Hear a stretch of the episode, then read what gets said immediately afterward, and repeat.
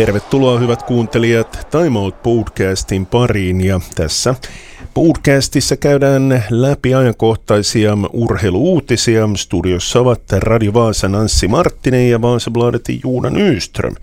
Juuna, tervetuloa. Tack ska du ha. Paljon mielenkiintoisia aiheita. En oikein tiedä, mistä lähdetään liikkeelle. Lähdetäänkö U20 MM-kisoista liikenteeseen? Se kai voidaan todeta, että paras joukkue voitti mestaruuden, eli USA. Absolut. Tycker det fanns bra bredd i det här laget. Det fanns en väldigt go, en väldigt bra fart och, och, och jag vet att det är många som har retat upp sig på, på semifinalen då är kommande utvisningen på slutet som då ledde till att USA avgjorde mot Finland men om man ser på matchen i stort så första perioden var Finlands men då var USA bara lite där och, och kände efter och skådade vad läget är och sen då de började höja trycket, forechecka och backchecka hårdare och så det så hade ju Finland ingen chans så att nu ska vi väl säga det var helt rättvist som det gick. Sen så var ju nog ganska pinsamt det som hände i bronsmatchen. Joo, siis eihän toi neljännestä sijasta huolimatta toi turnaus mennyt kyllä laikaan niin kuin olisi pitänyt. Siellähän peli tuolla otteluiden sisälläkin vaihteli ihan älyttömästi. Okei, me puhuttiin siitä, että kun on nuoria pelaajia, niin se saattaa mennä näin, että on niin paljon sitä intoa, niin sitten ei järki pysy mukana, mutta sitä vartenhan on valmentajat. Ja mä edelleen on sitä mieltä, että valmennus ei onnistunut ollenkaan turnauksessa. Pohditaan esimerkiksi tota tsekkipeliä. Johdetaan 5-2. Saadaan ylivoima. Silloinhan pitäisi rauhoittaa ja kertoa tilanne, että ei nyt lähdetä millään hurmiohengellä hakee lisämaali, vaan nyt pidetään niin tämä tilanne toisen erän loppuun, mutta mitä käy? Sitten tulee maali ja oi oi, ihan käsittämätöntä. Ja, vi nämnde med Lauri Mikkola är ju förbundskapten och var förbundskapten. Här. Ryktäs ju till och med om att han skulle ha skrivit på för två år till. Joo, se on ihan käsittämätöntä. Kuinka voidaan kolmen vuoden sopimus tehdä niin kuin miehen kanssa, joka ei niin kuin No joo. Ja, när man tänker just på det vi pratar om hans utstrålning, att han verkar lite gråblek på något vis. Och, och man undrar ju, vi vet ju inte hur det ser ut i omklädningsrummet, man undrar ju hurdan ledarskap han, han har där, men om du tänker på att vi har haft profiler som Kari Kivi, Jukka Jalonen som har lett U20 som är starka personligheter så är det ju något helt annat i alla fall som är verkar utåt. Puhutaan sitten vielä tuosta mm, finaaliottelun lopusta.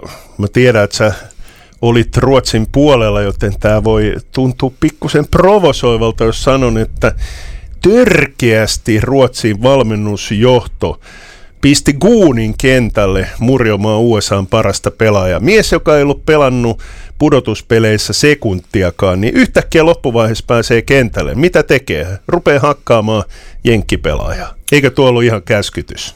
Först och främst så inte vet jag om jag höll på Sverige. Nej, no, men...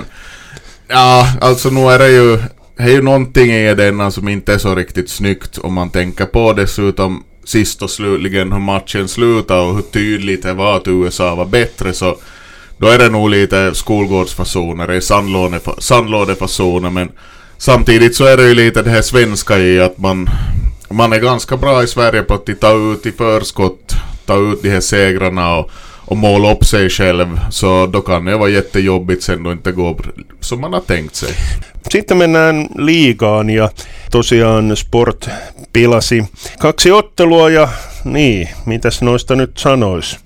Ainakin kotona olisi pitänyt voittaa. Näkyykö Jens Löken poissaolo Sportin otteissa? Jag säger att det är väldigt tydligt och, och coach Risto Duva sa ju efter, efter den här TPS-matchen i lördag så att i powerplay så har inte lossnat sedan Jens Löke föll bort.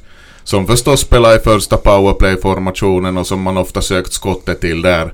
Stod till vänster om målet så att är väldigt tydligt nu och, och, nu är ju det stora orosmomentet nu kollade jag tidigare idag så har inte kommit någon uppdatering än men Johan Sundström föll dessutom bort i lördags andra centern och det är oklart nu då vad hans läge är. Joo, sehän tarkoittaisi sitten kyllä sitä, että pikkuhiljaa pitää alkaa katsella niitä pelaajia. Nyt tuli uutta tietoa näistä siirtorajoista. Niissä on ilmeisesti eri siirtorajat, eli oliko se niin, että maan sisäisiä siirtoja liikassa voi tehdä tammikuun loppuun ja sitten ulkomailta vielä pystyy ottaa helmikuun puoleen väliin saakka. Pyritäänkö tällä nyt sitten saamaan niin kuin tätä aisoihin tätä, että myydään, myydään, myydään pelaajat sitten helmikuun puolesvälissä kaikki veke? Kanske det finns någon sån tanke där. Det var också nytt för mig faktiskt. Jag, ringde åt sportchef Herko Koski Sportis i förrveckan och han berättade denna. Så han sa ju också här att rakt av nu så är några värvningar aktuella men nu följer ju kanske en gubbe till bort så det här kan ju ändra läge, läge ganska radikalt här. Speciellt då det handlar om en center men vi, vi får se, vi får se vart landet ligger småningom. Masic lähtee pois sportista. Joko sä tiedät mikä seura on kyseessä? Han hade ju nog en ny klubb och jag kollade upp det här i förrgår, men jag, jag har helt flugit bort. Joo, joo. Mitä mieltä sä olit tuosta siirrosta? Oliko se niin, että Masitsilla ei ollut tilaa tuohon joukkueeseen? Eikö taidot riittänyt? No, jag tycker det är lite tråkigt. För då, då han kom hit, han debuterade i ligan, så man såg att det fanns vissa väldigt bra grejer i hans spel. Han spelar modigt med puck, han spelar bra med puck.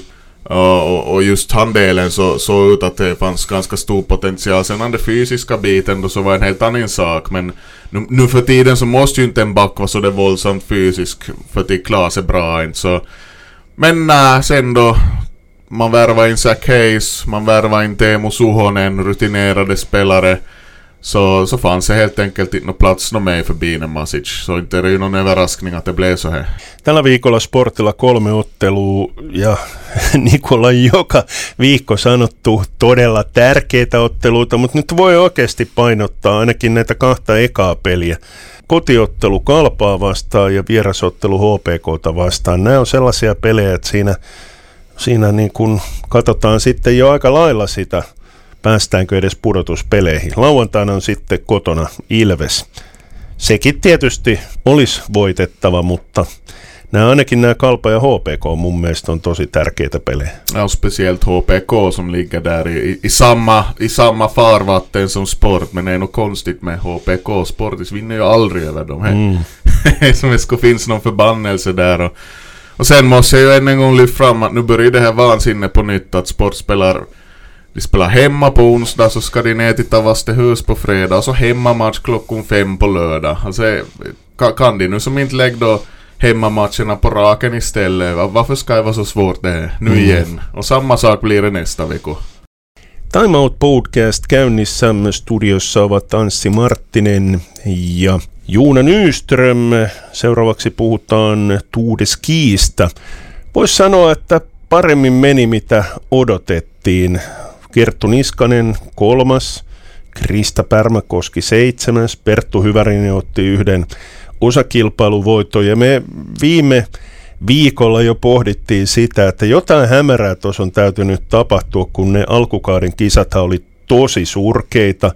Ei se kunto voi yhtäkkiä noin paljon parantua, eli onko tässä nyt tämä fluorivoide-asia, joka on vaikuttanut niin paljon, eli oltiin pikkusen kuutamolla noissa alkukauden kisoissa. Säkert har det påverkat, men jag måste säga emot lite där, för just det med formen så är ju en sån där spännande grej att många av de här som inte riktigt klarar sig i början så förklarar jag på det viset att de har träningsbelastat väldigt hårt just i slutet av träningssäsongen och då är det inte nödvändigtvis så att man är så vass i tävling. Medan nu såg vi Kerttu Niskanen som gjorde jättebra avslutning på touren. Och, och speciellt tycker jag det här sista klättra sig på Alpe Cermis så och det är taktiskt perfekt, hon visste att hon kommer inte kunna ta Heidi Weng så hon lämnar där bakom. Hon, hon körde med Jesse, Jesse Diggins istället och så lämnade svenskorna långt bort så att hon, tredjeplatsen fanns till ta och det var precis det hon gjorde. Det var proffsigt och snyggt gjort. Mm, mutta kun Suomen koko joukkue oli periaatteessa vähän kuutamolla siinä alkuvaiheessa, niin sen takia mä pohdin, pohdin sitä, että jotain ehkä on ollut muussa kuin kunnossa, ehkä jopa suksissakin niistäkin paljon on puhuttu. Mitä mieltä sä oot tuosta Tuudeskiistä yleensäkin? Siinä on sprinttejä, on normaalimatkoja. Jos mä haluaisin jotain muuttaa Tuudeskiistä, niin se olisi se, että nämä laturetket lopetettaisiin, eli näillä laturetkillä mä tarkoitan yhteislähtöjä. Ne on mun mielestä täysin järjettömiä, että niissä mennään se 20 kisasta 19,5 kilsaa laturetkeä ja sitten 500 metriä kiritää. Ja, ja där måste jag nog hålla med, speciellt den här näst sista etappen nu då, just som var en, en massstart. Så där i princip så bara skidade ju igenom med och allihop ville se till så att de skulle inte tappa någonting. Det var ingen som attackerade någonting, förutom att då de här tre svenskorna, Karlsson, Sundling, Svan, ville ha lite bonussekunder där halvvägs in. Men det var där. Så det var nog bland det tråkigaste skidloppet man har sett på länge faktiskt. Det var, det, var nog, det var lite som till sidor färgen torka på väggen. Joo. Mitä sä muuttasit Tuudeskiit? Vai pitääkö sitä muuttaa millään lailla? Nej, alltså jag tycker nog helt passligt format och, och det var ju tal om att det var lite tuffare tour nu men de flesta som de intervjuade av de som var med så tyckte, tyckte jag att det funkar ganska bra konceptet som är nu. Så inte vet jag sen det här sista då, då är massstart också för den här klättringen så jag tyckte jag var roligare då jag var jaktstart där men att det finns väl någon tanke i, i att hålla på det viset. Och... Siirrytään sitten vaikka jalkapalloon. Lueskelen tässä Veikkausliikan uutisia ja nyt VPS hakee vahvistusta taustoihin ja etsii henkilöä media- ja event officerin tehtävää. Pitäisikö meidän hakea? ja vi kan del på bödan, Joo, mutta näköjään yritetään ainakin satavuotis juhlavuonna nyt sitten satsata. Oikeastaan mä halusin puhua jalkapallosta sen takia, että tämä HJK-valmennuskuvio, se on ollut kyllä aika mielenkiintoinen ja ei se anna tietysti kovin hyvää kuvaa tuoreelle HJK urheilujohtajalle, joka palkkas tämän valmentaja, jonka nimi on Ja, vad hette han? Sibila eller något Joo, semmoinen joo. Jotenkin tuntuu omituiselta. Yleensä kun pelaajia palkataan, niin käydään tosi tarkkaan läpi kaikkia. On lääkärin tarkastukset ja niin edelleen ja niin edelleen, niin nyt niin kuin ei ollut huomattu, että hei, kaverilla ei ole sellaista pätevyyttä, että voisi valmentaa Veikkausliikassa. Joo, ja vet ja tycker ju att man ska ha koll på det. Sen vet jag inte om de kanske har räknat med det att han ska hinna gå kurs och, och fixa undan det före säsongen började på allvar. Men då skulle han ju gå han i Sverige och så fick han nobben därifrån. Så eh, är, är väldigt rörigt agerande denna. Om man tänker på vilken HIK-status är i, i fotbollsfinland så, så ska ju aldrig få gå till på det viset. Joo, mä oon täysin samaa mieltä, että se antaa vähän huono kuvaa yleensäkin Veikkausliikasta, jos meidän lippulaiva sekoilee näin pahasti. No, HJK on tehnyt pelaajahankintoja, Lukas Lingman muistaakseni taisi tulla Ruotsista ja sitten heidän syömä hammas, Radulovic, lähti, onko se Brentfordi? Ei kun äh, Huddersfield. Huddersfieldiin, joo, koska Huddersfield sai oikein kunnolla kuonoon nyt sitten Manchester Cityltä, kun se Joo, oli... de spelade i FA-cupen och Radulovic blev faktiskt inbytt och tänkte börja göra mål. Joo, mä näin pienen, näin pienen pätkä urheiluruudussa ja pääsin hyvään paikkaan. Hei, sitten urheilugaala torstaina, eli silloin valitaan vuoden urheilijat ja sä oot nyt sitten päässyt jo äänestämään. Oliko se salainen lippuäänestys vai voitko kertoa, kuka on Suomen paras urheilija sinun mielestäsi? jag gick, jag gick lite på den att vad som var tycker var häftigaste pres- prestationerna så jag la nog Vilma Murto faktiskt som etta Mm. i omröstningen och, och sen är det, jag vet att det är många som har röstat Lauri Markkanen som första. Man gör ju så denna då att man lägger som från 1 till 10 på en skala och så får de poäng ut efter Mm. det. Så Lauri Markkanen just med tanke på att han han faktiskt är en stjärna nu i NBA i, i basket som är en global sport. Men jag minns, jag minns som är värme det här Vilma Murtos tävlande från fjolåret, så jag la henne som etta. Joo, ja Vilma Murto vastasi sun huutoon ja hyppäsi 481. Eikö se näin ollut tuossa joo sisähallikisassa? Tävlade i Kuortane i lördags och, och hon hade också bra på 486 lät, lät det förstås i ett, ett pressmeddelande. Det skulle ha varit där skulle jag ta i sitt utomhusrekord som är 485 så Men jag tycker roligast var där att det var, det var lite citat då av Vilma Murto. Hon sa rakt ut då att nu är planen för i år att ta medalj i alla mästerskap. Och ställer upp i internationella mästerskap. Alltså det blir inomhus-VM, det blir EM och OS och jag tycker jag är lite fräscht att en finländsk idrottare går rakt ut och säger sådär, nej mm. nu går vi för medalj. Joo, eikä sano, että yritän parastani ja katsotaan mihin se riittää. Niitä on ihan liikaa. Mä oon kyllä sitä mieltä, että Vilma Murrossa on aineesta jopa siihen viiden metrin hyppyyn. Ei ehkä tällä kaudella, mutta tulevaisuudessa. No, nu om man ser på, på den här utvecklingen så känns som att det finns mer att hämta där ännu och nu också var i säsongens eller halvsäsongens första tävling för henne. Hon pratar redan om att, att styvare längre stavar så är roligt i prov på nu att det känns som att det finns till hämt där så att ja, det kan bli jättespännande här vad, vad Vilma Murto kan åstadkomma. Joo, Vilma Murto ja sitten sulla oli Lauri Markkanen siellä listalla. Löytyykö listalta Martti Puumalaista? Aj, aj, aj, eikö löydy? Nu är inte jag helt säker på. Det var, mm. det var ju så mm. många som man skulle rada upp det Ranskan sarjan Euroopan mestari judossa. Jag tror nog jag hade den i topp 10. Okej, okay, okej. Okay. Entäs så, Rovanperä? Rovanperä också, men inte jättehögt upp. Joo, joo. Toi ralli on aika hankala, koska tota... Det är så smal gren. Joo, joo. Siinä on tosi hankala. Vähän sama kuin jos yhdistetyssä olisi olisi tota huippuja. Koripallo totta kai maailmanlaajuinen laji, mutta kyllä mä nostan tuon seiväshypyn kuitenkin myös korkealle. Tietysti mä oon yleisurheilumiehiä. No, sen takia. On, on, ja kyllä Vilma Murto erittäin hyvä, mutta mitä sä luulet? Meneekö Markkanen kuitenkin ykköseksi?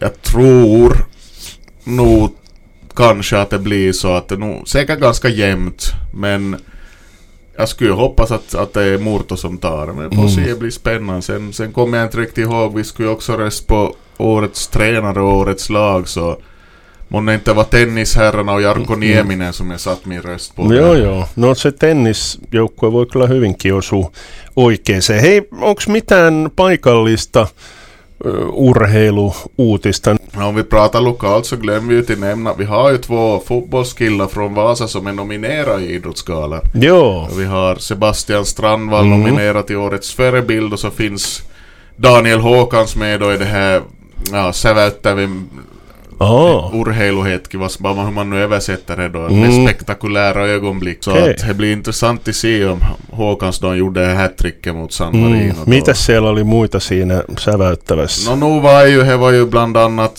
skidstafetten där i VM med, med Finlands herrar mm. då de tog silvermedaljen och, och, och säkert var väl Vilma Murto där också och, och vad vi nu hade så.